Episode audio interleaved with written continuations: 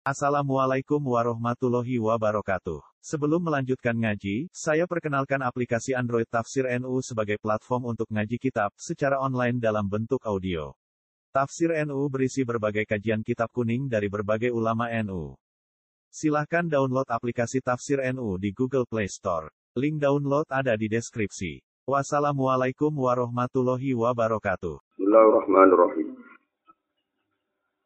Mata cituhul kulubu minal humumi wal ahzan fali ajbi mamuni ata min wujudilian. Mau te opo wae tajidu kang metuki hu ing mapu al kulubu pira-pira ati. Mau te opo wae tajidu kang metuki hu ing mapu al kulubu pira-pira ati. Minal humumi sang pira-pira kesusahan wal ahzan lan tegese pira-pira kesusahan. Jadi umum niku gelisah utawa susah wal ahzani lan pira-pira kesusahan.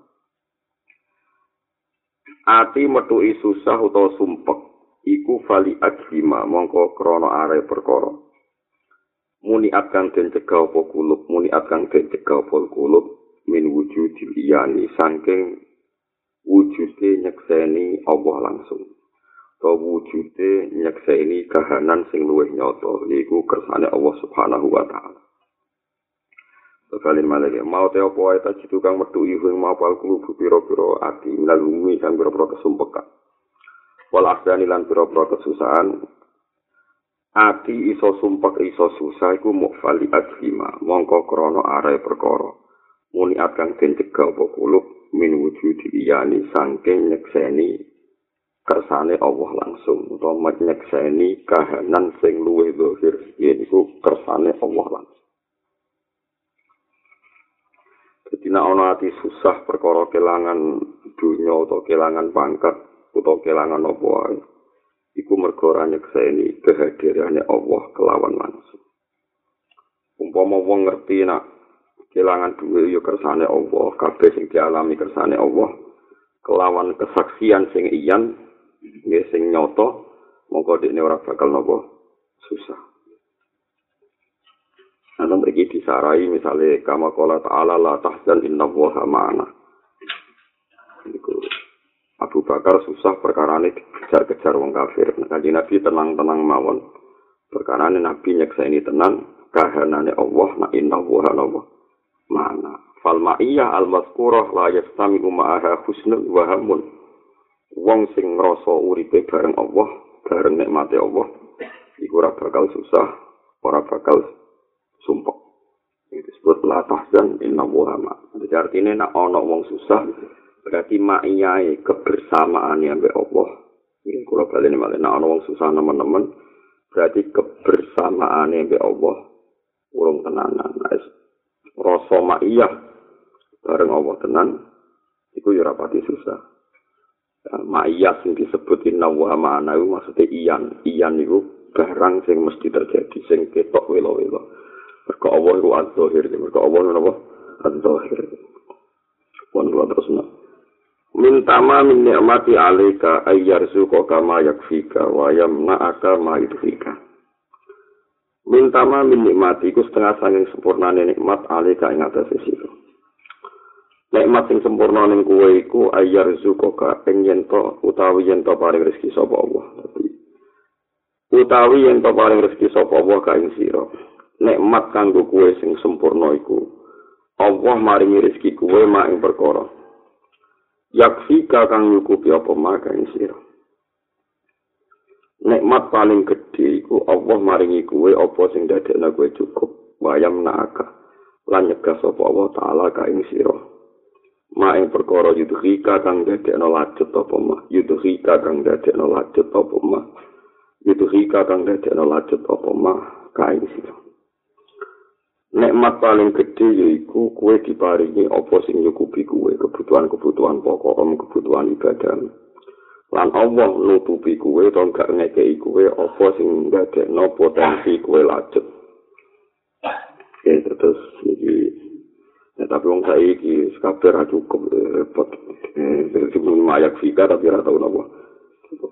Ini kalau terang nanti masalah fatwanya Imam Ghazali, fatwanya ulama fikih. Karena Imam Ghazali dulu sebelum ngarang kitab Al-Wasit Al-Basit kitab fikihnya. Ini ruang tenang. Mungkin kalau wacana sarai kitab hikam, karena yang nyarai ya tiang alim, tiang alim fakih juga. Ini sing disebut-sebut benar kersane tobat. Fatwa bahwa orang hanya boleh memiliki sing jadi makanan pokok. Kecuali tekbir loh, kecuali sama di tekbir melarat yang kepen suka raiso tekbir tenang. Wis biar menang nopo tekbir. Fatwa yang mengatakan orang hanya boleh memiliki sing dipangan sesuk. Koyok paham yang yang zuhud. Lebih beras rong kilo, duit-duit sepuluh ribu. Terus cukup. Itu bagus kata Imam Ghazali. Tapi fatwa ini tidak boleh menghalangi atau mengurangi orang supaya punya uang bikodri ibadatil haji wanisobi zakat. Kau balik ini mana? Kau balik ini? Fatwa zuhud itu boleh bahwa orang boleh menikmati kalau sudah punya uang atau beras yang cukup sesuk. Rizko yaumin biyaumin kalau dalam bahasa tasawuf ini rizki sedino demi nopo sedino setapak demi setapak. Tapi kata Imam Ghazali itu bahaya fatwa itu bahaya sekali. Karena ijma'i ulama mansusoh fil Quran. Ono ayat sing jelas ning Quran. Wong dikongkon haji dikongkon zakat Padahal wong dikokon haji berarti dua kemampuan finansial di atas kecukupan apa? Haji. Misalnya dalam konteks Indonesia 40 juta. Wong dikokon zakat berarti wong olah duwe duit sekadar nisab zakat. Ini nanti kalau hitung sekitar 26 juta. Kalau uang sekarang sekitar 26 juta. Cuma nanti kalau hitung 20 miskol itu sama dengan pokoknya per dinar itu sama dengan 4,2 gram. Ya 4,2 gram. Padahal wajib zakat niku misalnya 10 dinar, pokoknya walhasil sekitar 74 gram. Ya rata-rata dari syukur dewi termasuk Mbah Mun Piyambak niku ngitung kira-kira nisabnya emas itu sekitar 74 gram. Paham ya? Pinten 74 gram. Jadi kalau kalian malah ya. Bok pilihan murid gue zuhud, zuhud kepeksa, zuhud selera. Pokoknya aja sampai menghalangi fatwa menyangkut kifayah kanggo haji mbek nisobis zakat. Nah, kue nganti muni ngono sampai uang terus gak di duit jatah haji. Mergo wong Islam kabeh mau cukup ambek nganggep risko yaumin biyaumin. Sementing di duit sing dipangan apa? Seso, kue ku hadama arkanal Islam itu dianggap meruntuhkan rukun Islam piye-piye sing dadi syiar Islam haji ben apa zakat. Mana kakak yang sebut tambah melarat anak-anak yang wakal, juga tak aja. Akhirnya Islam tidak bangkrut bareng, tidak nutup kakak, tidak nutup wajib apa? Zakat. Soal hasil bahaya, dari Imam Mujahid itu bahaya. Tidak ada fatwa seburuk itu dari Mujahid. Berkesuhu itu selerane wong sing kebentel. Wajib haji ku mansus fil Quran. Nah, tentu wajib haji itu nunggu uang duit duit dalam konteks Indonesia misalnya saya benar sekitar 42 ya. Haji kemarin benar sekitar 40 juta lah. Selawe daftar Selawe daftar terus dan ada daftar selawe terus kue randu pelunasan terus main delok sertifikat omah terus kan.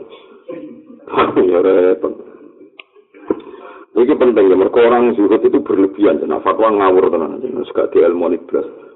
Kulo lah, kulo kulo kena melarat, tapi zaman kulo melarat itu udah fatwa begitu. Kulo nunggu jeeling zaman awal merantau teng Yogyakarta melarat, wonten Gus Alim ngaji kulo mahali. Dia ingin niru zuhud saya di kulo larang, jenengan harus mondok Mekah karena sampai anak wong mampu. Gak boleh begitu, akan meruntuhkan Islam. Terus nih, tapi itu tadi ukurannya aja mobil Fortuner Pak Alfa nih orang bari. Ukurannya itu biaya haji benisop sak. Niku mun kula hitung, niku kula fatwakan betul ini mumpung suro-suro. Kula mun kula hitung tenan. Wong sing iso maca takrib banyak. Kula kan kenal kata lalu di pondok-pondok. Wong sing iso maca takrib wis ora usah alim untuk bajuri untuk ya anak tutorikin. Wong sing iso maca takrib. Terus uripe itu mau di duit risko yaumin biyaumin. Barang mulang madrasah untuk bisa orang atau sewu atau kadang-kadang orang mana kipan tidak bisa ketahui. Iku orang arah sengembang Islam ning daerah. Kebedina geger mbek bojone, bedina mendelok beras ya gak berkah. Tapi nadone sedikit ngotot ngotot maksa di duit nisab sani sab kira-kira dia enam likur yuta ya cinta ini minta jadi sama maca takrib duit duit atau aset sekitar enam likur yuta ini pun berjuang wis pede. Wong di enam likur yuta kalau sikan di madrasah ya serang ngantuk paham ya? Paham ya? Mula roh bojo rada loro anak loro ya rapati priang mergo ngrasa di duit enam likur paling preso ning puskesmas ndak piro sono wong buah undangan ono speaker ya rapati meriang to tapi nak wong mbok duwe yauman biomen terus akeh wae wong duwe gawe. Ono wong kawin disalahno wae ora di duwe ono wong kawin bareng. Kok mesti? Napa? Nimbang wong ya? Kurang ponakan sunat kok ono sunat bareng iki duwe jadi wong ape kok nikmat itu diprotes kabeh. Mergo nak ono keluargane kiai ini kawin yang mikir sumbangan, ono khol ya wedi, ono tanggane sunat. Wedi, akhirnya wedi wong liya duwe nikmat. Gara-gara kesumpukane nikmate yauman biyaumin. Mulai cekel di fatwa kulon. Jadi wong di sampai nentang barang sing mansus fil Quran. Jadi wajib haji ya ini sok zakat. Eleng-eleng fatwa kulon. Wajib haji di nopo di sok zakat. Wong ini sama netung dewe kira-kira nak di sok zakat ya enam likur yuta. Saya bayang wong tahu mondok apal Quran utawi cara iso maca takrib. Niku nanti duit atau aset. Ya aku tuh duit, pokoknya aset enam likur yuta. Ya cara neng desa di sapi loro wis aset nama. Enam likur yuta. Gue pinter. Wis wis maksudnya tetep mau merap lah, mau mau rapati. Ya rapati media, ya rapati pinter. Ya pokoknya waras lah. Cara rapat tuh gak menang apa ya. Niku ngruntuhno Islam tenan fatwa zuhud berlebihan ngruntuhno Islam. Perkara ini jadi kau apa piye jawa Imam Ghazali? Piye piye wajib zakat itu mansus fil Quran? Wajib haji sebagai rukun ya mansus fil Quran. Nah soal akhirnya kira tetap rakaji perkara ini duit patang puluh juta itu untuk kebutuhan keluarga. Orang masalah. Tapi kan pede bertahun-tahun percaya diri nopo bertahun-tahun Ini kalau mau coba sarai, itu zaman buatan salah paham. Jadi padahal sarai hikam, artinya sarai hikam ini. Nopo ya. Kitab tasawuf, tapi senyarain dia tiang alim, tiang alim, sing ya alim tenang. Jadi ini kalau mau coba lagi, sesuai kalau pilihan lagi. Kalau mau ta'ala, wabtagi fima ataka wahud darul akhirata, walatan sa nasibaka minat dunia. Jadi kue itu kan boleh bagian akhirat, mana jelali bagian dunia. Elatan sanasi baka fil akhirah an tatawassala ilaihi bima ataka Allah minat dunya. Kowe aja geman nyepelekno dunya piye-piye dunya iku dadi alat kowe untuk mendapatkan apa akhirat. Ya to misale kan Nabi dawuh al hajjul mabrur la salahu jazaa'un illal jannah. Terus kowe protes kan Nabi haji sing ditampa Allah ora ana piwales kecuali swarga. Terus kowe protes kan Nabi. Nabi boten kepikir jenenge kaji iku mangan ae. Tangi. Ini kan terus repot, kabeh hadis-hadis ini buat protes perkara ini. Perkara ini, kau yang duit mau yauman, di yaumin. Nah, malah kalau suwun pun aja nanti kulo. Wong-wong sing fatwa zuhud berlebihan niku pengalaman pribadi, ora ana Quran, ora ana hadis e paham. Jadi kula suwun Lu senajan kok golek duit sak mono tetep akhire ora kecekel iku urusane rezeki sing gak akrab be kuwi ngono ae tapi tetep kowe berburu sak nesoke zak utawa sak wajibane napa haji pun ngandung kono dawe Imam Ghazali dawe ulama-ulama. Aja sampai dalam Islam ngono fatwa wong kon rizqa yaumin biyaumin nganti menghancurkan khitab syarak wajib haji be wajib napa zakat wis ki sarane sak ngono iku. Ya ki sarane mun kula hitung wae ya ya mulane wis kok apa kowe kedengan sithik-sithik tensinya dinaikkan supaya duwe aset senilai. 6 itu Ojo matanan mbok hitung ora dihitung dunya nggih dadi cara sarak. Wong di omah mbek tanah omah iku ora ndadekno wajib haji senajan to nilaine tinggi karena itu kebutuhan apa? Pokok. Jadi ya ini kebutuhan pokok. Termasuk bojo kebutuhan pokok. Ora iso misalnya di bojo boros wah tak ganti sing ngirit jadi saya nabung. Ora ono. Ngono. Wah, bojo boros. terus kepikiran wah ini secara strategi. Bojoku itu misalnya daerah tertentu konsumtif lah misalnya aku di bojo daerah pekalongan pengalaman. Tak ganti bocah gunung kidul kita lu kiri.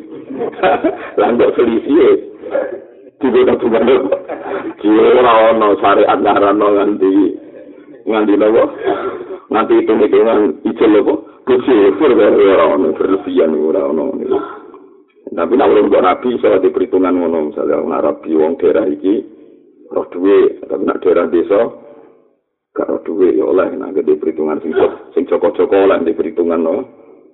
Nak gunung itu misalnya sak bulan saya nih rong pekalongan kota atau Jeporo, rong juta misalnya, ya lah kemudian di gunung itu. Nah, mbok selisih sangka kemungkinan belanjaan ibu cucu tinggal tabungan apa haji. Nah, ketemu kancam kok kelar kaji. Karena tepat milih apa? istri. Milih istri paket nopo hemat. Jadi terus bisa. Bisa nopo? Yang bojo barang itu, nah sekeliwat ya wes sekeliwat itu wes tompo aja, sekeliwat-sekeliwat nih. Apa mana salah ajaran bojo kadang seneng nopo duit, ini kumpul pun pun pun bar uri beda rokok yang jangan dan uri pun bar. Wa amma masalihu dunya fi dzalika fa zahirun. Kula waca sarai mon mon sama niki rumah nama mawon ya. Ben sampean ngerti nak fatwa kula niku tenang. Wa amma masalihu dunya fi dzalika fa zahirun la yahtaju ila tambih alaihi. Ibtidzalika yahsulu lahu tibul aisi wa rahatul qalbi wal badan wa siyanatul wajsi andul lil mas'alah inda wujudil hajah wal faqah. Ukuran itu pokoknya kue di tibul aisi urip nyaman, api seneng. Lan iso jaga raimu sangka kemungkinan jaluk kanca atau jaluk dulur, jaluk wong liya nalika ana hajat lan faqah. Iku lho bayang misalnya guru madrasah iso maca takrib. Wes ora di dhuwit nganti sak miliar. Di dhuwit rong juta wae. Bayangno anak loro iso ngeterone puskesmas. Bayangno ana tangga duwe gawe sunat utawa kawinan ora muni. Waduh, tangga kawin bareng. Kan akhirnya nyalahno wong akeh. Gara-gara nyekel dhuwit mau 5000 wae ana tangga kawin. Tuh kawin bareng. Krungu kiai ini khol. Aduh, ujuk-ujuk kok khol meneh. Dadi kuwabe iki anggap nopo prop. Wes kira-kira di duit itu sing iso mengatasi itu semua. Dia sing iso mengatasi itu semua. Kalau saya bilang, kalau zaman mewarat pol itu jadi duit sekitar kalau saat ini sekitar 300 ribu. Kalau bayang no, nah, tamu mendadak, nah, urusan perjuangan. Oke, tak anggap duit pangeran. Berkisaran sak mono tak anggap duit pangeran. Nah, kalau saat ini ya misalnya sak pulau saat ini misalnya minimal di orang juta. Iku sono wong kawin rapat di, ana ponakan sunat boten apa? Wedi ana kale guru gak napa? Wedi. Tapi nek misale cah saiki alumni pondok ndek dhuwit mok 10.000 hariane bojo blonjo. Iku yo wedi khol, wedi tanggo kawin, wedi ponakan apa? Sunat. Paham ya, niku bahaya kan. Marat-marat dhewe terus wedi sistem sosial ente. Sesuai mau bulan besar, wah kawan kawan, wah repot. Kon bulan surau, mereka orang apa? Orang apa?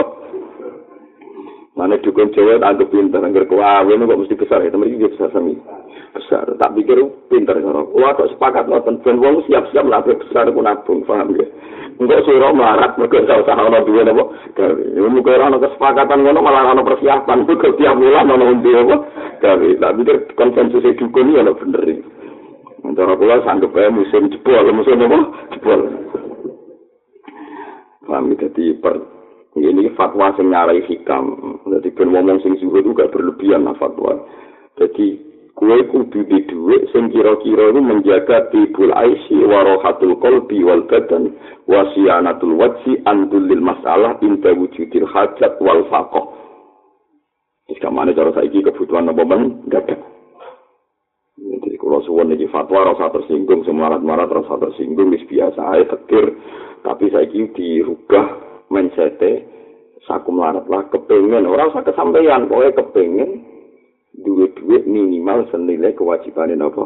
Haji mereka jari Imam Ghazali nak nganti ono fatwa mu rizki yauman biomin iku meruntuhkan syariat sing majib no kue haji lan apa?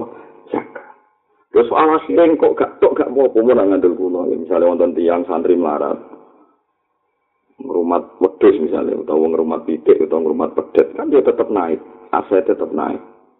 Sapi di rumah dia tambah gede, pemenang pitik, aman selingkuh, era barbar, malah cepat anaknya aja, tapi lalu malah terus.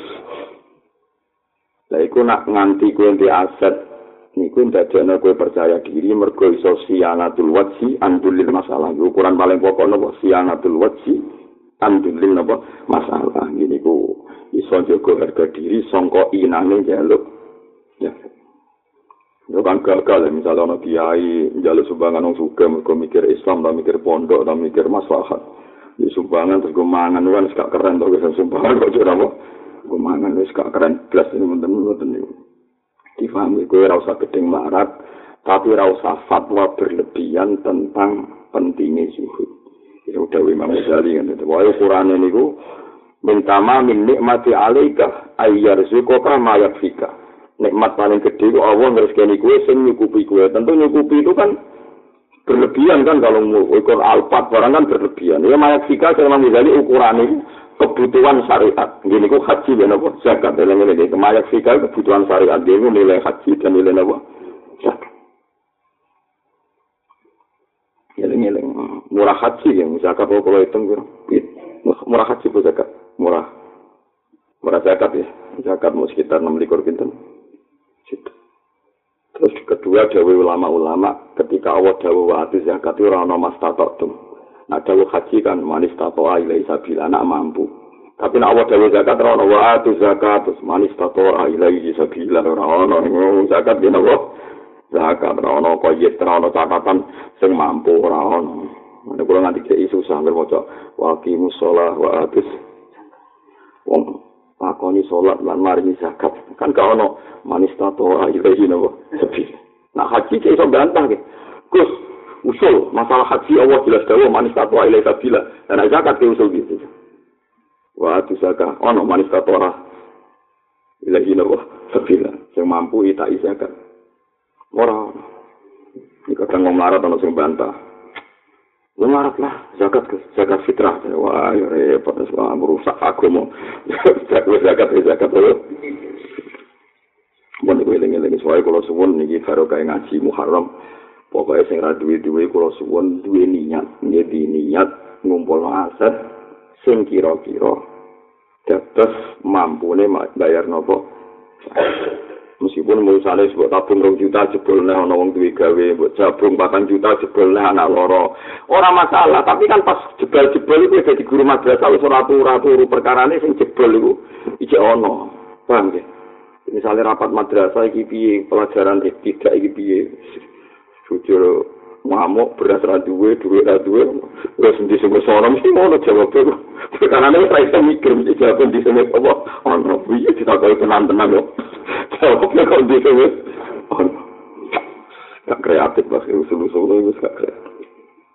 Ngeling-ngeling itu terus pokoknya ukurannya imam Jawa sing aran hikam niku Yahsuru laka tibul aisi urip dadi kepenak warohatul kolbi ati iku dadi tenang wal badan ya awak rontok seger.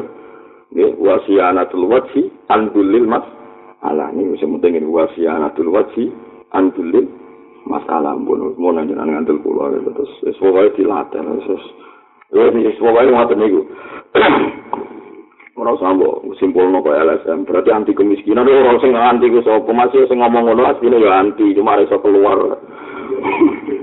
Mana wae Kalau kalau suwon tenang ya, Dewi Mamusia.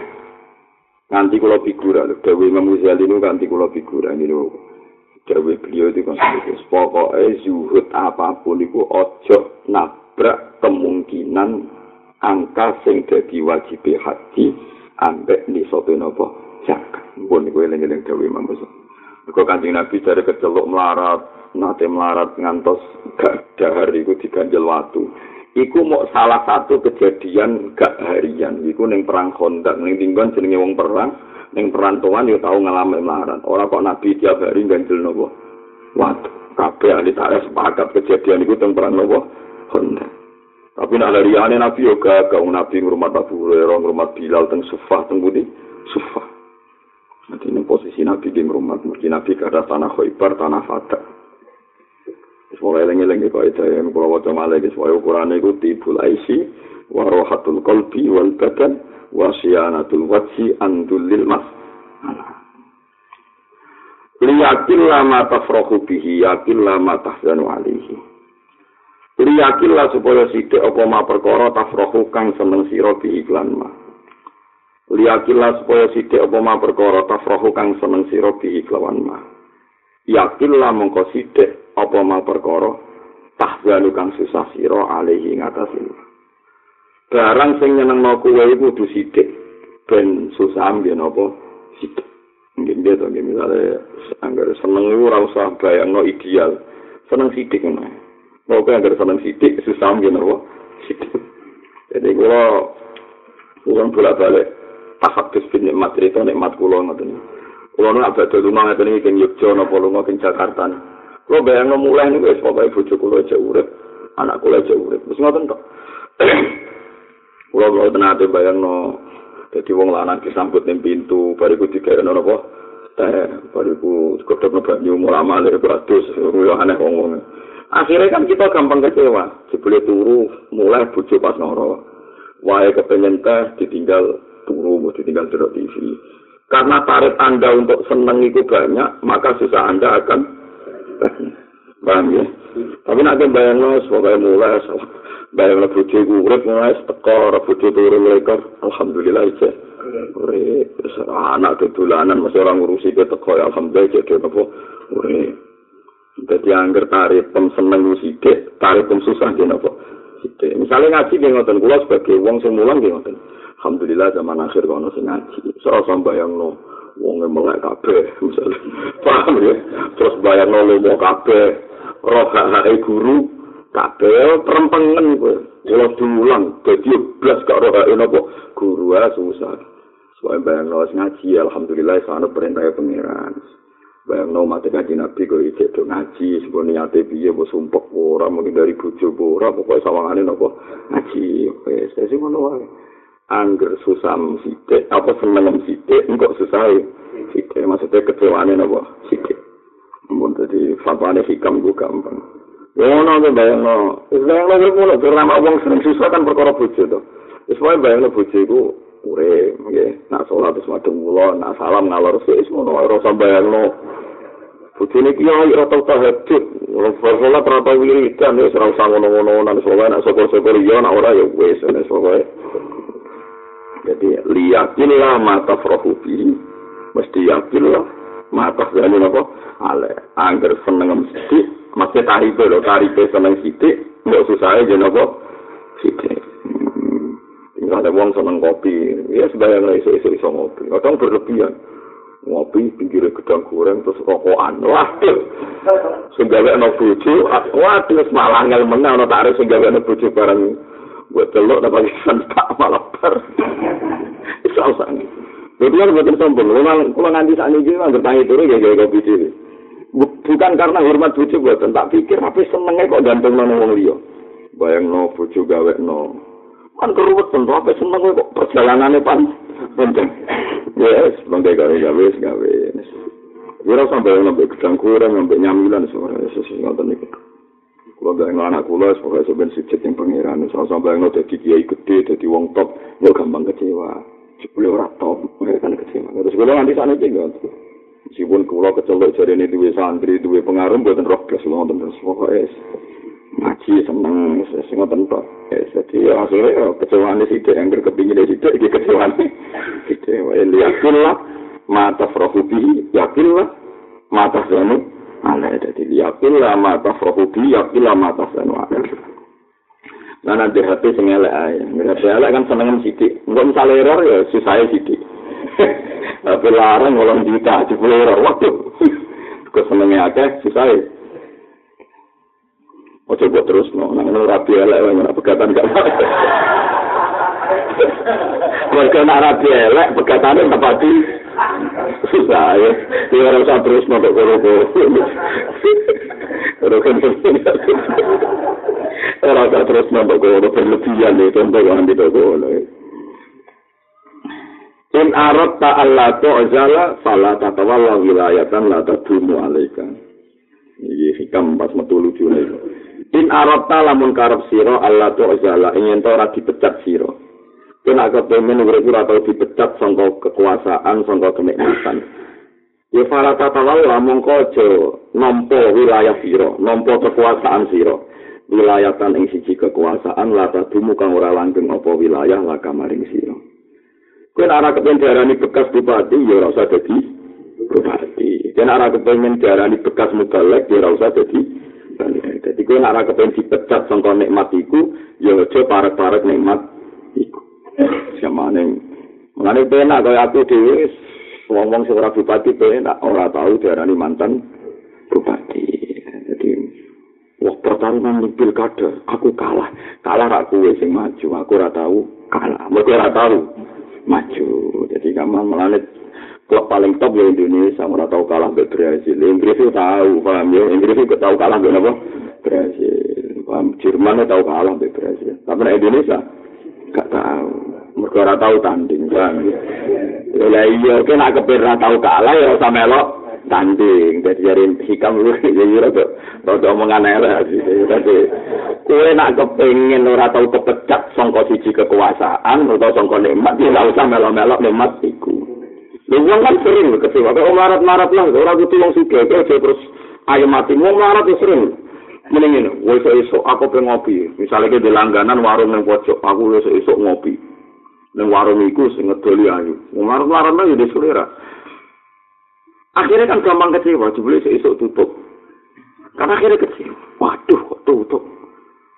Ra iso mikir iki ora iso ngopi. Kan kan ruwet. Kan ruwet. Bagaimana nek mate berlebihan? Bayangno sing ngedoli ku wayu langganane, jebule sing ngedoli bapake wae sumpah. Musa iku marah-marah piye wis marah, selerane macam-macam, ora ngopi tok. Sing jaga kudu wis ruwet, urip ngene wis ruwet. Kena kepen ra kecewa be satu nikmat, ya coba parek-parek nikmat. Paham ya, jadi Kaya kowe barang kaya rohin barang kok ana berita. saiki saate cah rugen inovane kadol ora ono ora tau di inovasi dadi ketika wong sugih wis jatuh perkara donyane kadol paham wong marat-marat ora tau jatuh perkara donyane kadol dadi mulane cari kewi nasi hati ya rada ya rada kacau ya tapi ada ora hubungane kok tasawuf iki asa iki sajur-sajuran kok kena kepengen ora kepecat sangka siji wilayah kekuasaan ya ora usah.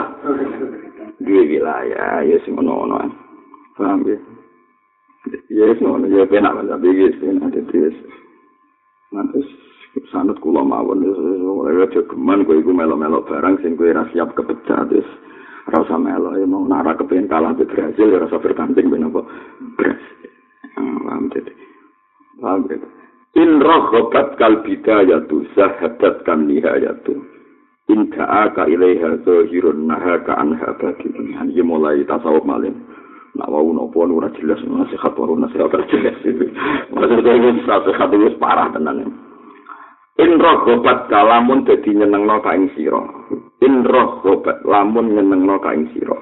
Apa al bidayatu, apa kawitan-kawitane ilmu hakikat atau kawitan-kawitane dunya. kawitan kawitane ilmu. Nak kuwe dimotivasi satu kekuatan bidaya. Bidaya itu wis kawitan kawitane ilmu, kawitan usul, kawitan suke, pokoknya bidaya. Ini disebut al bidaya lahian nihaya.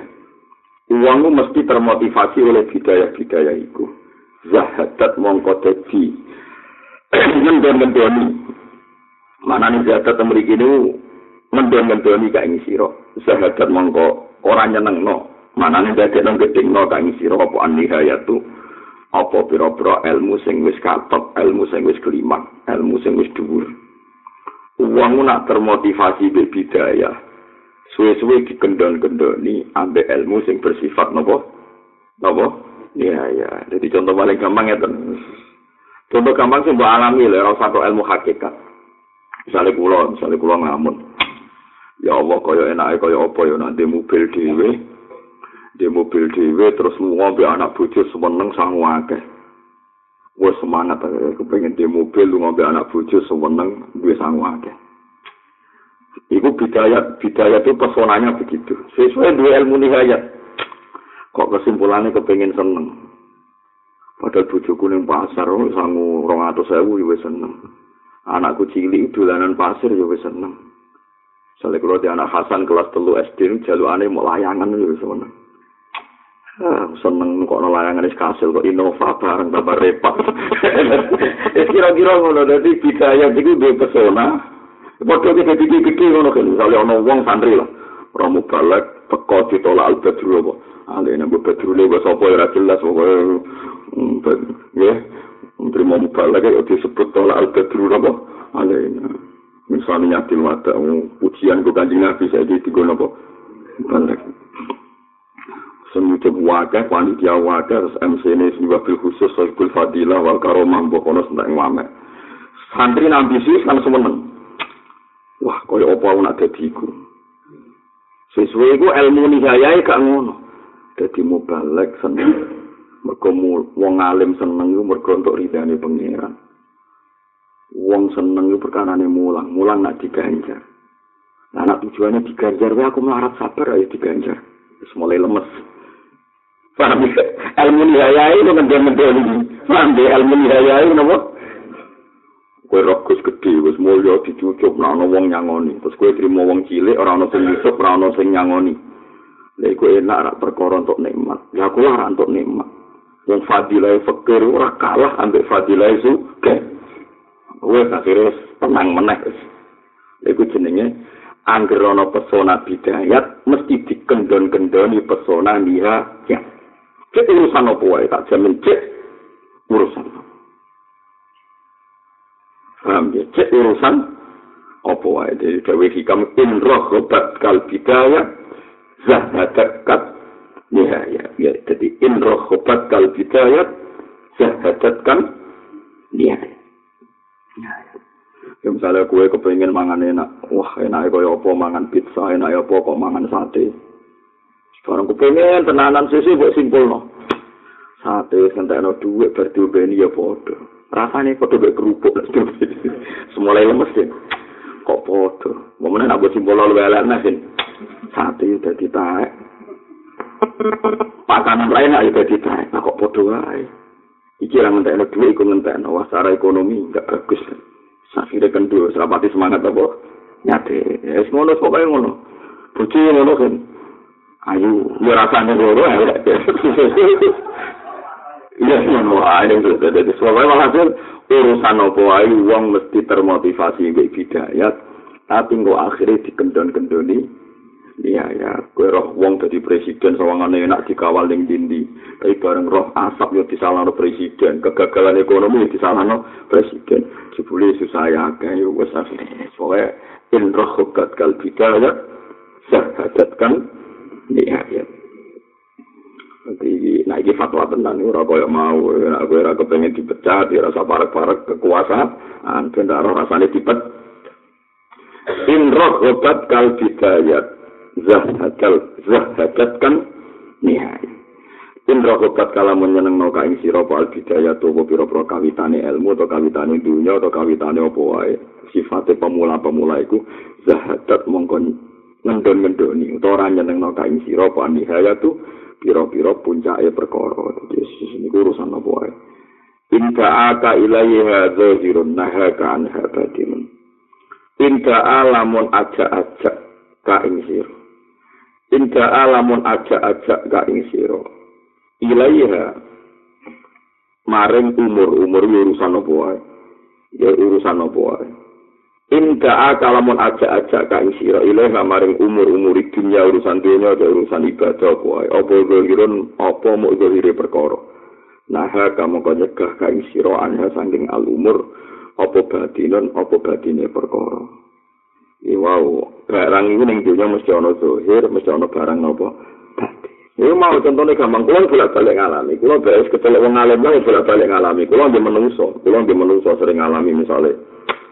Kaya apa ya senenge nek iso-iso misale ngopi ning daerah iki atau mlaku-mlaku mara tuban atau daerah kula. Niku kadang kepengin mlaku-mlaku teng tuban.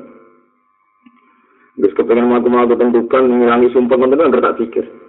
Dan kok aku nek sing tuban ya kepengin mulai. Kepengin mulai ning omahku iki sing ana anakku ana bojoku. Nah, anak bodoh kok sing tuban kepengin mulai akhirnya kan dia kepengin mulai. Wis ning omah ora usah. Gue ora-ora rasane dadi wong alim. Urimu kan urimu ora tau gue evaluasi terus pokoknya lu mau mulai, mau mulai. Wah, ketika nak kepengen aku di Alphard ini, di Alphard, di mobil mewah, enak ya apa? Enak ono AC ini ono tipe, wes enak. Tapi kadang-kadang dia mikir gini, jadi ngomong di mobil mewah kok medun, nak medun ya kok terus lagi tumpahin. Ya nak foto-foto akhirnya kepengen medun, ya kamu salah ya. Jadi itu pokoknya malah paham ya? Terus pokoknya ngono rasa terang, pokoknya ribuan dia ono tidak geir, udah dihentikan. Berarti Ya itu itu kenikmatan kan gak bergantung fisik kan. Kenikmatan itu urusan nomor roha. Terus sampai cilo-cilo ini dari sikap mau nerang aku mau protes. Bangun ngomong mau protes. Jadi Gus kok ngene bilang aku mau ngertek no. Itu tak bantu ngertek no malah geger. Paham ya? Jadi ini semua telik kutunya. Jadi ya sepotus. Kalau nggak gratis lungo sering kalau kalau nggak jarang lungo kecuali mucal tembriki kalian kadang-kadang mucal. Ya baik kalau lungo nih lenggo lungo namun mucal-mucal. Jarang banget kalau lungo. Ya perkara ini ngotot nih kan. Kepen lungo nih barang kritis misalnya dolanan. Wah wah wasik bayang lo. Barang wasik bayang lo kan. Orang asing kono kepengen mulai. Nah, nak ujung-ujungnya kepengen yang kene lapor, orang barang sing kene cukup kan orang terus. Iya bos. Betul jauh betul kepengen numpak mobil mewah. Jebule bareng numpak Alphard wis kesel. Cah kok ora tok omah. Kuwi jare kepengen numpak mobil mewah kok kepengen nang tok tok omah. Ana foto-foto kepengen nang tok omah ora usah lunga ae kan. Wis tok apa? Wis tok omah. Ya kira-kira ngono gambaran. Ah, ada wong-wong sing wis usul iku salate yo biasa gara-gara uripe wis usul tenan. Iku sing salat sunat termasuk. Apa sholat kepengen munajat be pengiran saya kira pas mulang ya munajat terus ya munajat. Mana nanti si Dina Umar gue mucal ya mucal kata sekolah ngerti nih fatwa terus dealing no tiang ya Umar saat ini wahai sholat maksudnya sholat sunat. Wahai sholat kebliah sunat jadi si Dina Umar. Apa yang saya ajarkan kamu gak kalah pahalanya be sholat. Perkara ini dihitung sholat kebliah ya ibadah perintah pengiran wong ngalim mulang ya ibadah perintah pengiran Yes nikmatku mulang yo wis ibadah, engko nikmate sing seneng salat yo napa? Ibadah. Mulane jare Sayyidina Umar sing tak lakoni saiki ora kalah ambek napa? Salat. Sing masyhur Imam Malik ngendikan utang muwatta. Suatu saat Imam Malik mulang nanti ono azan diterusno. Terus sebagian makmu, sebagian sing ngaji ku muni as-salat ya Imam Ahli Madinah. Niki wae salat ya Imam Ahli Madinah maksudnya wae salat qobliyah. Jawab Imam Malik. Makun nafihi apa yang kita alami sekarang gak kalah afdal apa napa? Salat iki mesti logikane ngoten. Salat iku apik mergo napa? Perintahe pengiran. Lah nek padha-padha perintah pengiran wong alim mulang iki perintahe pengiran. Paham ya? Maksudnya ngono kira-kira gitu. Terus pokoknya anggere ana barang tuh, ya ana barang napa? Ya apa wae. Ya urusan wae. Oh, jadi ini jelas in rohobat kal bidayat syahadatkan nihayat in ta'aka ilaiha zahirun nahaka anha nopo batino jadi gue kepengen lunga tenanan kepengen roh. Kalimantan. Kepengen roh ya tenanan. Ya barang gue angen-angen gue awal Kalimantan. Endingnya utawa akhirnya toh kepengen mulai. Anak foto berakhir kepengen mulai. Israel selalu kok Paham ya? Dengan paham ini sampean yo nak kadang-kadang yo turuti gitu lunga iku nikmat roh nikmate Allah sing ning dunya dindi. Tapi kayak kudu sadar pada akhirnya kepengen pulang kam. Oh, ini sing kena. Innama ja'alaha makhallan lil akhyari wa ma'danan lil akdari. Tazhidan laka fiha. Innama ja'ala Soalnya kalau sangka melek itu yang wisata negara bagus tuh Australia, buwer sih nggak ada selokan gini-gini, nggak kayak Indonesia menjijikkan orangnya gini-gini. Jadi Indonesia sing cangkem melek ini, ya nak ngono semanggur Australia, wae rasa mulai moro Indonesia. Nyatane ya mulai, ya nyatane apa? Nyatane dia mulai. Neng Australia rong minggu jadi suwi, neng Indonesia cilik nganti tua meh mati, ya kok bet. Betah, ya jute kok ngono wae, ya jute kok ngono wae. Mulane kata yang melarat sing nak suka bisa delo. Perkara ini pas suka senengnya yang ngono wae. Balik no wae ini marah. Jadi kok tetap seneng, seneng. Ya berarti iku sing seneng asli. Inna ma ja'alaha mahallan lil akhyari. Inna ma ja'ala sehingga besopo ta'ala ha ing dunya. Di dunya sing mbok lakoni saiki iku digawe mahallan ing panggonan panggonan lil akhyari maring rubah-rubahe perkara maring liya-liyane Allah ing rubah-rubahe perkara to liya-liyane Allah. Dunya ku anane mau rubah tok kowe kepengin dadi wong sugih kok ya repot. Kepengin dadi wong marat ya repot. Soalnya wong gak konsisten idene gak konsisten. Kadang kepengin dadi ilmuwan kadang kepengin dadi mubalek kadang kepengin dadi wong sugih serubah rubah karu-karuan. Serupa. Jadi kepengen di mantu, kepengen mantu, kepengen di putu, kepengen di putu, kepengen serupa, rubah-rubah terus. Wama janan lan jadi panggonan, lil akdari kecil pura kesempekan. Jadi dulu aku anaknya repot, di anak, bareng di anak men protes jaluk-jaluk, wae kesumpet. Kepengen di bucu ayu, mau kagan perminta. Barang kira di bucu, ya sumpet, orang di bucu, serupa kabeh. Wama janan lan jadi panggonan, lil akdari maring urip. Tapi tujuannya Allah setunggal dan korona gedeng nolak kamaring sirofia ing dalam dunia. Jadi dunia itu diparingi di hutan, duwe musuh, duwe ngeracocok, pak sumpah kabeh. Di wani cerewet, di anak kakak penjaluan repot kabeh. Lah tujuannya Allah gawe repot, ben gue rasa neng dunia, ben kangen Allah ning akhirat. Jebule rasa neng dunia tetep gak gelem. Ning akhirat, angel malaikat ngadepi gue gue angel. Jadi Allah gawe dunia ruwet itu tazikan laka fiha. Dan kue rapati seneng dunia nangkangan Allah. Jebule, ya nak seneng dunia. Tapi ya siap. Akhirat. Ya sembuh jeneng mu apa ya Allah. Alima annaka la taqbalun nasha al mujarrad. Fazawwaqaka min zawajiha ma yasulu alaika wujudu firakiha. Atau ma yusahilu alaika wujudu firakiha. alima pirsa sapa Allah taala anaka ing sak temne sira kula tak galu ora nampa sira anus fa nasihat al mujarrata kang mligi Allah iku pirsa nek kowe dinasehati tok ora cukup fazawwa koka mongko mikirno sapa Allah taala ka ing sira. Fazawwa koka mongko mikirno sapa Allah taala ka ing sira menggawa kira sangking nasihat nasihate ikilah urusan dunia.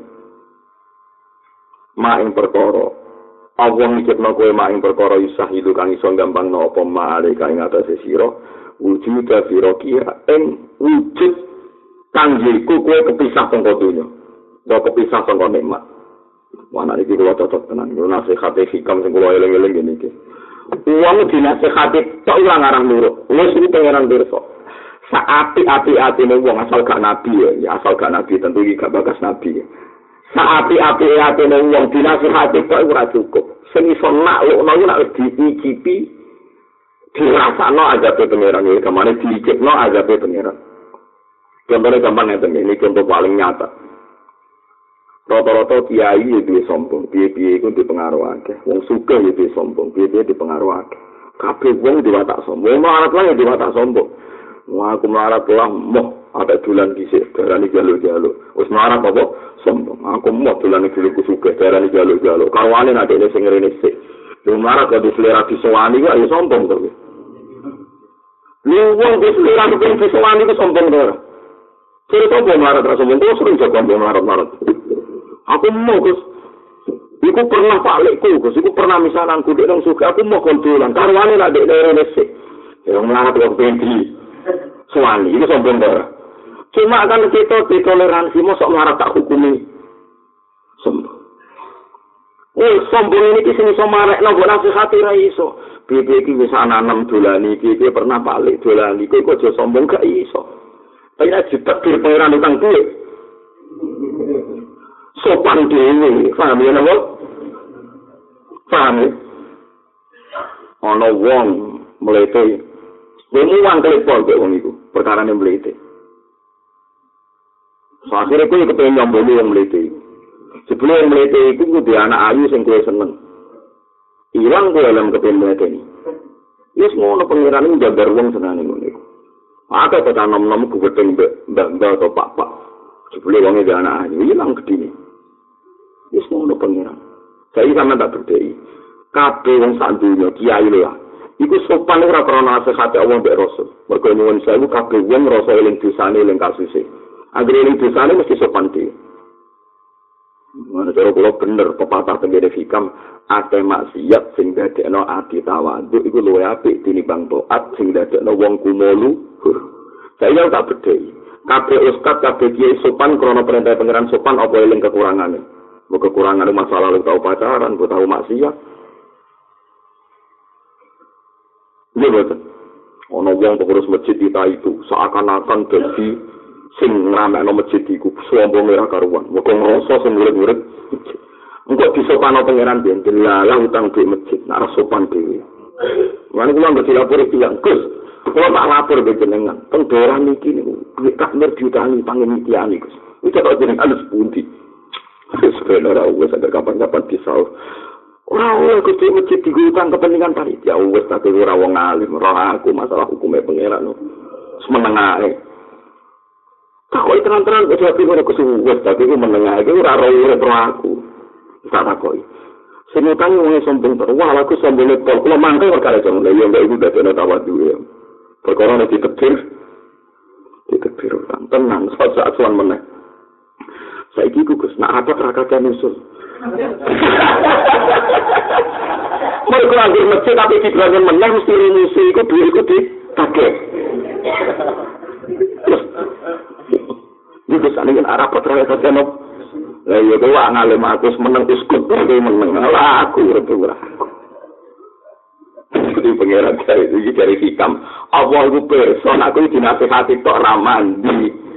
Mulane di di di di ana wong tawaduk mergo dinasehati Allah be Rasul ora ana ana kiai mlete mergo anake saleh imam masjid mlete perkarane anake saleh Buang anak soleh, keluarganya soleh, nak wong nakal yang perapatan, mangkel ira karuan. Uang wae aja cek yang perapatan gini. Melete ira karuan. Suatu saat ini perapatan putu nih. Sopan dewi. Sono kiai dia komentari wong kudu papatan dah loro ya ampun wis to muga-muga sing apik ae. Perkarane sono putune. Saiki sono apa? Putune. Meriang meriang. Wae dicek mau pangeran ngono apa? Lah keturunan dicek mau siap-siap ae dadi sopan mulai saiki ae. Lho kalau tenang, ini kalau bukan sombong. Kenapa saya ngaji tidak seneng ada podium, merasa seneng ngono kursi. Kulo niku matur pangeran paling ndak Allah berfatiku kulo kepen sejajar uga umat kanjeng Nabi Muhammad sallallahu alaihi wasallam. Kulo siji Muharram ngaji teng Jeporo. Ini sering aku kulo ngaji teng siji Muharram. Niku rata-rata angger kiai ini sing ngundang sik kulo kandhani purun ya. Mangke boten usah niku podium. Nggih Gus, penting jenengan rawuh. Terus teng meja kula ora usah ana kursi dhuwur. Nggih Gus. Sesuk mentakon, jenengan kena napa Gus ngaji ora teng kursi dhuwur. Iku aja seneng mawon ana kiai sing ning dhuwur. Kiai iki yo khas nak ulama iku sak dhuwure santri ini. Iki kula seneng mawon. Tapi kula piambane Gusti sing ngaji kula di umat kanjeng Nabi ya sak kelas lah kono ya sanate itu kanjeng Nabi kula ya kan sak kelas. Eh, wilingi dengan sederajat kula rasa lungguh sak dhuwure mereka. Nah, soal kula semulane kepeksa Gusti sike. Kepeksane kan aku sing diulang kan lucu. Maksudnya misalnya rukun ke moco, terus kalau saya ngaji kan terus Kalau iya kok dibagi orang jadi repot kan malah jadi repot kan. Paham ya, tetap segi gawe hitam tenan. Uang ora iso dinasehati. Tok sing iso dadekno wong tawaduk iku masa lalune dhewe-dhewe. Mulane kena ana wong mlete kok ditegir utang duwe napa masjid. Ana wong saleh kok ditegir putune nakal iku kowe aja gedhe. Iku Allah dandani wong iku ben sopan. Paham ya wong Allah dari wong iku ben apa? Sopan ngene ana masjid duwe sak miliar kok diutang 10 juta ya oleh iki 10 juta wae dadi ana ketua takmir sopan sabun tapi nek kok kate yo cek aku kate ya dino tapi nek ada utang kok mesti mlete masjid harus gini jangan sampai kalah dengan desa lain. Mus wong mau era karuan. Biasanya harus gini. Nak pendapatnya dibuang tak terima. Tapi nek diutang sopan dhewe seraka dan apa usul wis meneng ae. Ono rumah sapa wae sing ngoten nggih kenging. Nah, ini alhamdulillah nek Ono kiai kok melete, muangkel wong ing perapatan main gitar, wis aku melete ne ra berber. Marine opo? Dirasihati ra kena. Sampai itu mau nasihati, bangun itu mesti kadang-kadang senang perapatan suatu saat di husnul khotimah. Saat ini mawon terus main gitar dan perapatan, gak mandi. Mandi nih nah suatu saat putune sing nang kono. Ini ora nasihat wis sopan.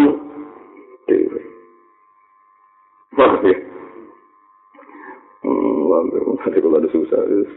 Semenengah ae, kalau lagi semenengah ae, kalau lagi sering bicara bukan di kiai Wes macam-macam bukan dengan ini lah. Kalau sebenarnya dia anak di putu ya, sekarang sama ini aku ya, aku ya seneng ini akan juga.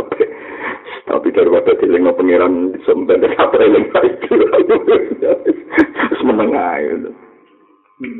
Sebenarnya gitu.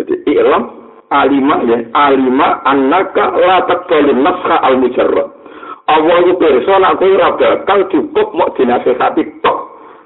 Sing mandi apa dirasakno anane kejadian sing dadekno sopan santun di Ane na ana wong saleh kok seneng rondo tenanan nganti ra iso turu. Iku mbarno ya aja arani em, iku proses disopanno pangeran. Paham ya proses di sopanno pangeran. Kok dene kesuwan dijatuh ngalor itu. Wong wedok iku haba ilmu syaitan. Wong wedok iku pelantarane setan. Coba nang wedok setan istirahat. Mergo sono setan rupane wong wedok. Wong jadi ngomong ngono gak sopan-sopan. Suatu saat ditegur seneng wong ra iso mungkiri, sopan diri. Sesuai tidak boleh rubah. Itu itu iku mata Oh, mata iya aku meratus. Mata ini kok rubah. Jadi mulai rubah tidak-tidak. Terus kepen, mana wong sengalim roti jauh mau way. Ulang bolak balik dilapuri pengurus madrasah, masjid, jadi duit di hutan, kelas menengah. Sementara utangnya orang kabel, kabel kan terus macet dunia ini. Sesuai tak takoi panitia ini. Aku kok ketum perkara ini apa? Ya, kalau elek-elek kiai sering dilapuri di solio macam-macam. Gus, lagi kok jadi berarti ngatur-ngatur-ngatur, tapi kok ngatur-ngatur. Tapi ya, itu utang begini. Tapi kok ketum, mari tiangnya meletik, semua nak lo mangkel. Meletik ini udah jubli utang duit apa? Sampai sekian menengah ayu, apa? Apa itu? Suatu saat, Suwan kula meneh. Nggih, Gus. Sakniki nak rapat mboten ate usul. Ya mesti rawane usul. Usul masjid di mulai dibangun, tidak ada kan. Paham ya? Alhamdulillah, mulane bener dawe hikam ya, rubah maksiatin, aujab, apa, maksiatun aurofat zilan wan kisaron, khairun min to'atin aurofat izan wastik, maksiat sing dadekno kowe tawadhu ku luwe apik timbang ke taat terus papong mletene gak karu. Kowe bengi tahajud bar tahajud dungo bareng iso-iso ora wong turu mowan ora karuan. Allah ngendikan nak waktu sahur dungo disembadani kok wong turu. Iku bangune wong takewan lah iya tahajud lagi rong dino kok ngowan-ngowan Allah. Itu tapi dadekno som som Tapi bareng dari itu pikir kodok subuh, mek istighfirullah, kalau kok kodok, terus ngomong sopan. Tadi kan putih, berkodok ini merasa berarti so, kodok. Tapi lele, uang, terus kodok, Wah, itu parah. Ini lele, uang, terus mati ya, tetap gak. Wah, itu menurut, itu parah. Ya, Wah, nanti, ya, lele, nasihatnya. Alima, annaka lapak balu an-nashah al mujar. Faza wakoka min zawadiha ma yusahilu alika wujuda firokiha. Jadi Allah itu berso, nah ana wong itu ora bakal cukup nganggo nasihat tok. Lani dijipno satu kejadian, dirasakan satu kejadian, sing memaksa dia sadar, nak nikmat sini gue dene juga abadi, akhirnya gak ada nopo tawa, tawa terus. Al ilmu huwa alladhi yambatitu fi sadri su'a'uhu wa yankashifu bihi anil qalbi qana'uhu.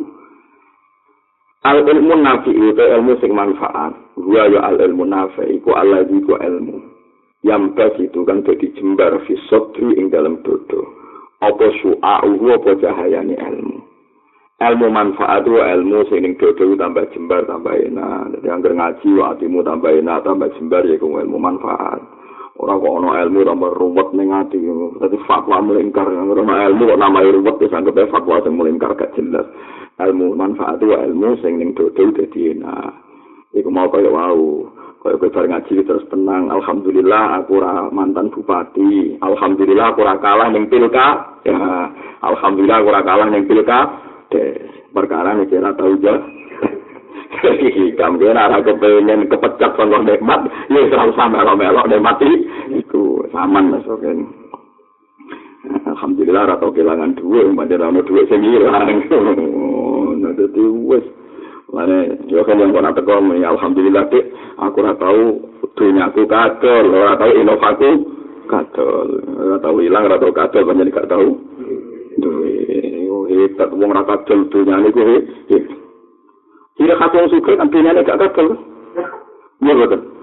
Tidak kata suka. Kok marah lo suka, ora tau apa? Tapi masalah gak duwe.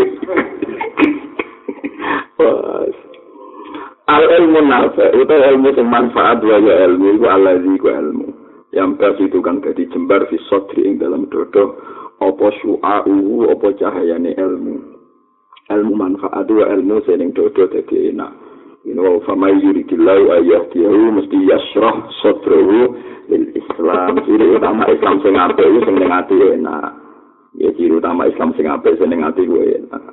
Wa may yurid ayyudillahu mesti yas'al sotrohu dayikon harujang kaan nama yoso adufis sama angger ilmu ora bener iku repot kabeh ati sumpeng ilmu kok dadi wong pahpoh bareng ngaji ndo ilmu anyar wong saiki sesat kabeh dijak apik ora gelem pangkon wis ngomong guys Tapi nek manfaat gak ngono, kabeh ning dunya iku kersane Allah Subhanahu wa taala. Cuma aku kon nasihati wong sing salah. Nek ditampa ya apik ora yo wis iku jenenge ilmu sing manfaat mergo jem jembar ora kok pahpoh.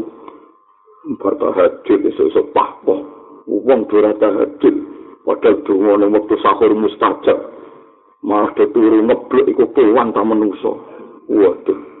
Ana ilmu sing manfaat gak ngono bar tahajud sadar Gusti kula ki baru delok ridane Allah. Jaluk sepuro terus esuk-esuk tangi alhamdulillah Gusti jenengan negeri kula jaluk sepuro. Kaya apa sombonge kula nak dik dalu ora jaluk sepuro jeneng. Nah, jadi pikirane insyaallah matur nuwun kula panjenengan tegir gelem jaluk sepuro. Karo kae kula jaluk sepuro kula tiyang sopan mergi kepengin di sepuro jeneng. Kaya apa nak kula dadi wong mangkot ora tau jaluk napa sepuro. Wong iku bener, iku ilmu sing manfaat. Dadi ning dodo iku jembar rena, ora malah pahpoh. Kulo di kanca kiai, wong nak bojone tajid diwamu. Bojoku sableng, tak kuka tajid ora gelem. Nak bojone jenenge kan? Aku ora tau tajid, bojoku ora tau, ora tau wong. Tapi ora tau koyo kuwi. Lah ngamal iki jenengan opo? Ya ngamal ku ya ora apa-apa koyo kowe ngono iku. Ya apa? Pokoke riba be pangeran semono ae. Karena tajud to ora lho, tajud kok lapor kuwi pangeran kok ora kuwe kok lapor kuwe. Tak kok pangeran kono, besok tahajudku ta ora kok malah ketakok aku. Ora pangeran kok neliti Kowe itu tahu sekali mandat pangeran jadi malaikat pencatat. Ayo ora tahu kok gegeran gak karuan. Itu orang urusan gue be pangeran. Sisa tak jamin pangeran gak aku para aku di bangku kowe. Ciri utama para pangeran ini kilo dari baca pahpoh. Oh, betul. Kabeh ulama, kabeh nabi yang beristighfar seneng kok ditetir jaluk sepuro. Soal kita mbora hari pangeran, tapi paling gak kita sopan mergo jaluk-jaluk ning Allah Subhanahu wa taala wis kelem ngemis-ngemis, wis kelem wis Allah seneng. Ora usah tenanan istighfar wis, ora usah berlebihan ping sewu wis. Tang itu. Enggak nabi istighfar sering ya namun ping tiga. Jadi Imam Bukhari Nabi bar sholat istighfar ping tiga astagfirullah sempun jarang suwi. Nak dalu kadang-kadang satu. Nah, ini seringnya ping telu.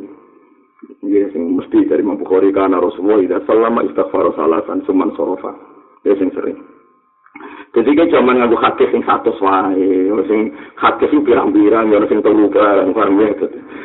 Nah, kula milih sing nopo? Telu. Lah kula milih satu, suruh bisa di sini milih satu kok medun. Lah oleh. Kadung. Ora ora kan, ora oleh. Jadi kuwi kabeh ora oleh, paham ya. Kadung. Ilmu ini kadung Itu, ora oleh, ora ora oleh didono. Lu nak kula oleh muda kan tangga telu. Muda napa? Jatuh. Jadi gue ora usah. Tak mungkin lo, berarti turun ora oleh, oleh. Kecuali kayak mesti istighfaran bisa ya turun apa-apa. Nah, selagi terane dosa cek naik, istighfar itu tuh. Jadi wong yang milani awak itu, milani nopo awak itu. Wong alim ngono ana jaminan wa innal alima la yastaghfiru lahu man fis samawati wa man fil ardi hatta hitan fil bahr. Wong alim dijalukno sepuro malaikat langit, malaikat bumi nganti iwak-iwak sak segoro. Asal dene ngalim tetep mulang. Mane tugas wong alim ku mulang aja kok iri. Ya, wong alim ora tau istighfar, do sing istighfar wong alim ku sak langit sak bumi. Kok kowe malah melok-melok. Paham rasa protes ya. sementing wong alime tetep sinau. Dadi kok sekolah ini bagian sinau. Saya kulo tak ulang no kulo lah bisa istighfar. Tapi mau mau mau mau lali wes di no sepuro langit bumi hatal khitan fil kah paham ya? Tadi gue rasa iri. Seneng kok iri madak madak no. Murah foto kok di madak madak seneng kok madak madak no barang semua orang foto Kulo iki kadang ngomong, kulo sumpah lah di penggemar-penggemar sing berlebihan. Apa kok? Kusiri kali jangan apa waktu sumpah. Kiri aku yang ngulangi, bukan lihat ini kulo itu aku. Mata kok. Yang ngalim ini kiri kali yang ngulang, ya mereka kasih ulama itu, ternyata kasih Allah ulama itu ngulang. Illal lagi natabu wa aslahu wa bayanu. Jadi itu kasih ulama itu bayanu memberi penjelasan. Iku agar memberi penjelasan iku faulah ika ya tubuh wahu alaihim. Jadi ulama itu so gede ini nyimpen ilmu, gajaran gede ini iku mu mulang. Misalnya ulama gak mulang ke gerakan istighfar. Terus wong ora hukume ika, hukume tolak, hukume pangeran. Ora hukume istighfar tok. Tolak yo apa ora roh, ika pakanan apa. Ora rusak. Wong ika dibahas Quran, tolak dibahas Mulai kalau ini ngaji itu, suruh-suruh dia ngamuk ngotot. Apa nak ngitung agama itu detail, itu sini so ulama. Kalau ulama itu percaya wulan, percayanya hari. Dia percayanya nopo. Kalau ini kan nyontok orang ngajinya ya. Misalnya Rukin di tanggal sono likur poso. Tak takil lima syawal. Itu jari aku, Rukin itu ya utang istri poso kok. Orang di sahur-sahur nanti sawal. Kesannya Rukin kan kriminal, mereka diutang poso. Jadi nang poso di orang di sahur-sahur nganti nopo. Sahur. Nak cara Allah ora ngono. Cara Allah urusan iki utange lagi limang dino, nek lagi pinten? Lagi pinten? Limang dino. Ya di ngoten, ikah iku ngambil bulan tapi hakikate dino. Mulane dewe Allah ya ayuhan nabi idza talaqatumul nisaa fatalliquhunna li'iddatihinna wa ahsul iddah. Tiga itu dihitung detek. Ini rumah tenang ya. Misalnya ngerti ya. Zahid ya, contohnya Rukin, sama ada mekat bucu. Zahid ini di bucu, cek head ya, misalnya. Zahid itu di bucu, posisi cek nopo head. Disebut dawatil head. Ijek head itu orang butuh pas head, pokoknya ijek head, ijek normal. Ini orang Aisyah, orang nopo? Aisyah. Saat ini nopo head, Oktober. Ya, Oktober kan ganti saat 26 ya maksudnya. 27 ya.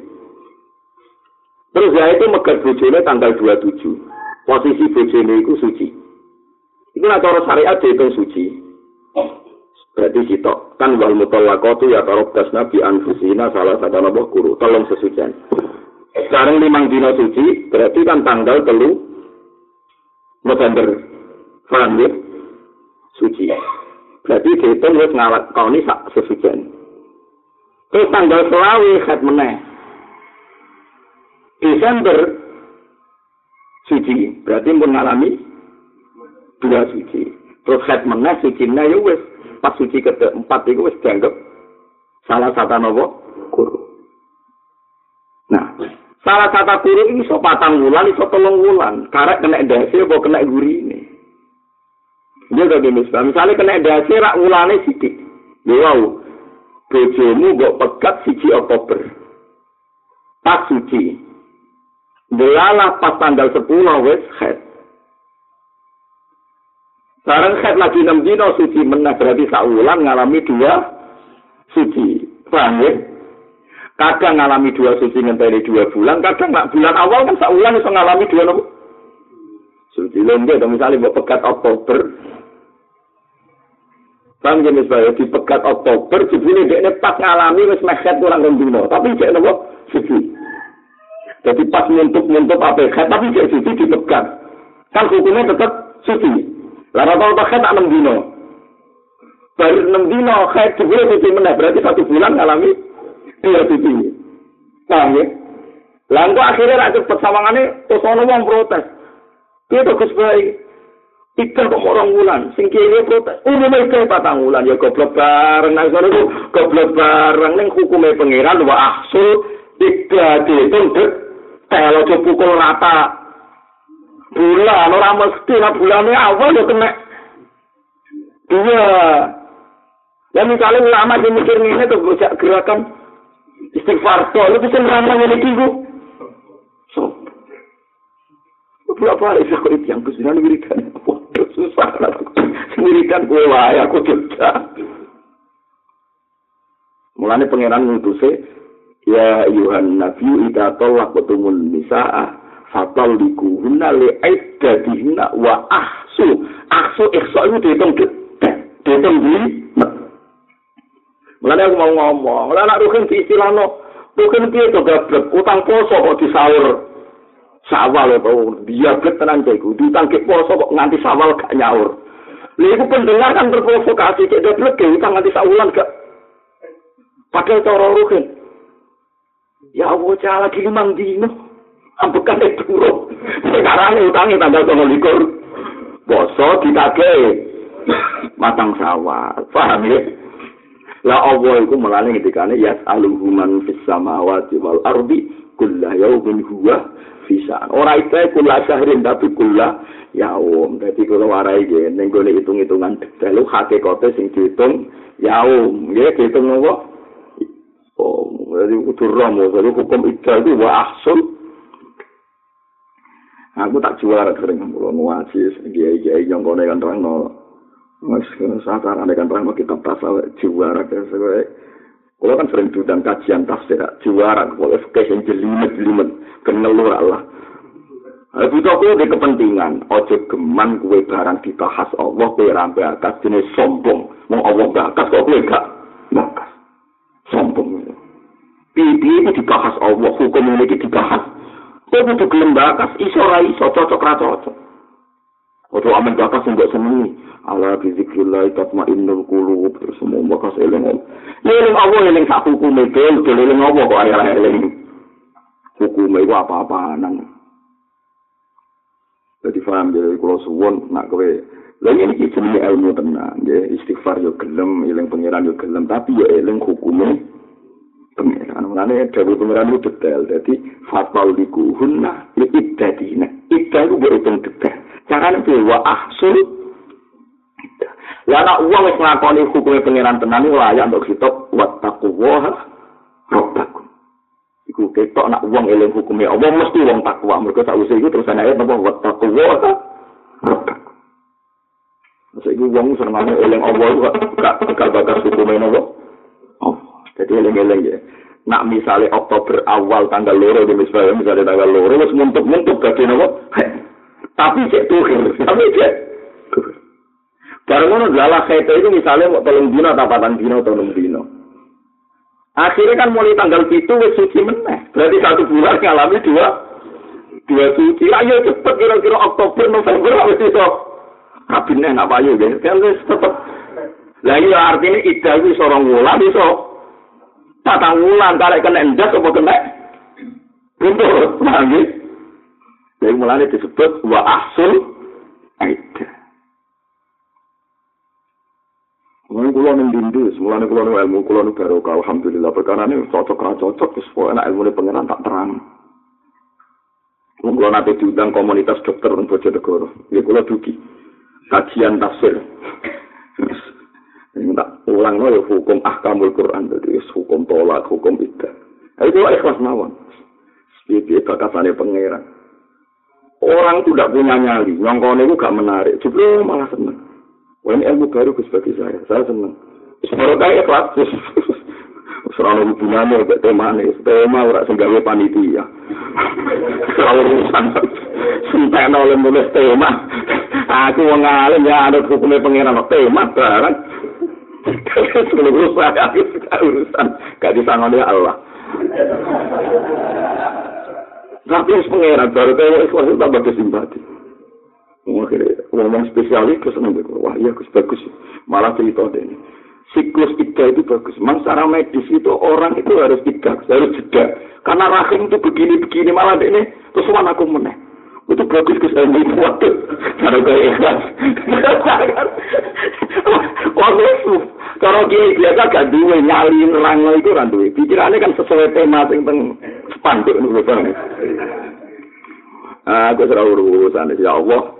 piye-piye jenengan bakas nggih kula melok napa bakas kan yo sombong Allah bakas kuwi gak bakas angku ya kawula aku sitok melete ini Quran diturunno Jibril dalam bulan terus kok kare Allah dikirim itu maimun kula nyoro kena takut Nggih dikirim ge ape, tapi kudu ana hukum-hukume pengiran. Piye-piye iku dibakas. Kata tempat dora lho ape, nek ana mursid iku mbek wong alim rumah. Jadi ya sepatu hormati, tapi yang pengaji des. Iki mau sien hukum mungkin kalau semimpin wiridan. Kita tak mau ya tak wiridan, aku tak wiridan siram tak mau lah. Kalau wiridan itu nggak apa Tapi yang wiridan ada siram, ada cerron. Ini setengah-tengah kesing cerron, aku tak mulai wiridan apa siram. Oh pasti mungkin mulai semua tahun ini ini. Sing penting ana koalisi ya ora. Niku kan ngono niku. Dadi eling-eling nak hukume pangeran Allah iku zat sing detail. Dadi Allah ora iso mbok padakno model pintu. Pokoke ora ngilang, pokoke tolong ngilang. Menawa kok wa aksul ika dadi detail. Ya dihitung detail mau. Untuk kalau ngerasa nonton, misalnya kalau ada anak jenenge Hasan anak kulo, lahir 6 Desember. 6 Desember 2006. Bareng 2007 Januari perasaan kula anak kula cek rong wulan. Perasaan kula kula bapak. Tapi yang liya enak. Lah itu tahun kira ke saya 2006. Lalu setahun ini tangkem mulai bapak ya. Repot kena wong liya itu. Paham ya? Mereka bapak roh detail perasaannya lagi patang wulan di wulan. Wong liya enak wae dari 2006 sampai umure. Setahun enak ya. Bocah cek patang wulan, tolong wulan darah nih. Ya Allah itu tidak goblok iku paham ya hukum itu detail. Mana Allah ngendikan idza talaqtumun nisaa fatalliquhunna li iddatihinna wa ahsul iddah. Dia itu apa di dia itu apa Alilmu ke ilmu anak orang manfaat wa ilmu wa alati perkara yang bas itu kan jadi jembar di dalam dodo apa su'ahu apa sinari ilmu. Wa yang kasih kelan dadi kabuka di iklan ilmu ambil kol bisa nging ati apa kona uhu apa ndadekno kabuka ilmu to wong juga anak mana niku wis pokoke ndadekno kona ae wong iku wis walhasil ilmu sing manfaat iku ilmu sing dodo iku kepenak urip terus tambah dadi kona a dadi kepenak. Ora kok tambah iso ngaji tambah rakus. Aku dia ora pantes ora duit aku kiai ora pantes nek ora duwe mobil. Sing ora pantes ki sapa? Le tul tul aneh-aneh iki fatwa ora karo-karuan yo ilmu manfaat ku tambah duwe ilmu tambah kona ora malah narik pawai iki aku kiai ora pantes nek ora nganggo jas. Ora pantes kang nggo penderek sing ngukumi ora pantes yo sapa? Ukuran iku sapa. Sing ora pantes nek kiai ora takwa iku karo ora pantes aneh-aneh wae. Jadi ilmu manfaat ilmu sing ning kepenak cahayane itu endi-endi walam khairul